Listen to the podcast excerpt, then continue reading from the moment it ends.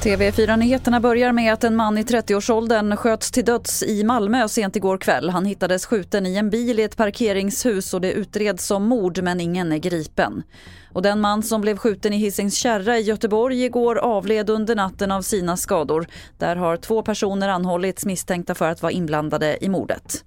Sökandet efter den miniubåt som är försvunnen vid Titanics vrak fortsätter. Det är mindre än 30 timmars syre kvar ombord nu. Amerikanska och kanadensiska kustbevakningen jobbar nu med att få ner undervattensteknik på plats för att leta efter miniubåten.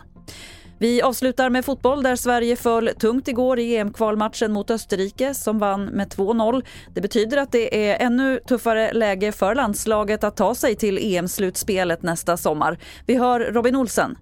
Det känns allt skit.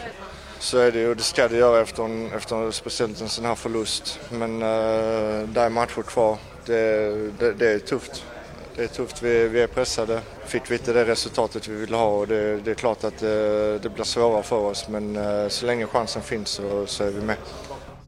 Och fler nyheter hittar du på tv4.se. Jag heter Lotta Wall.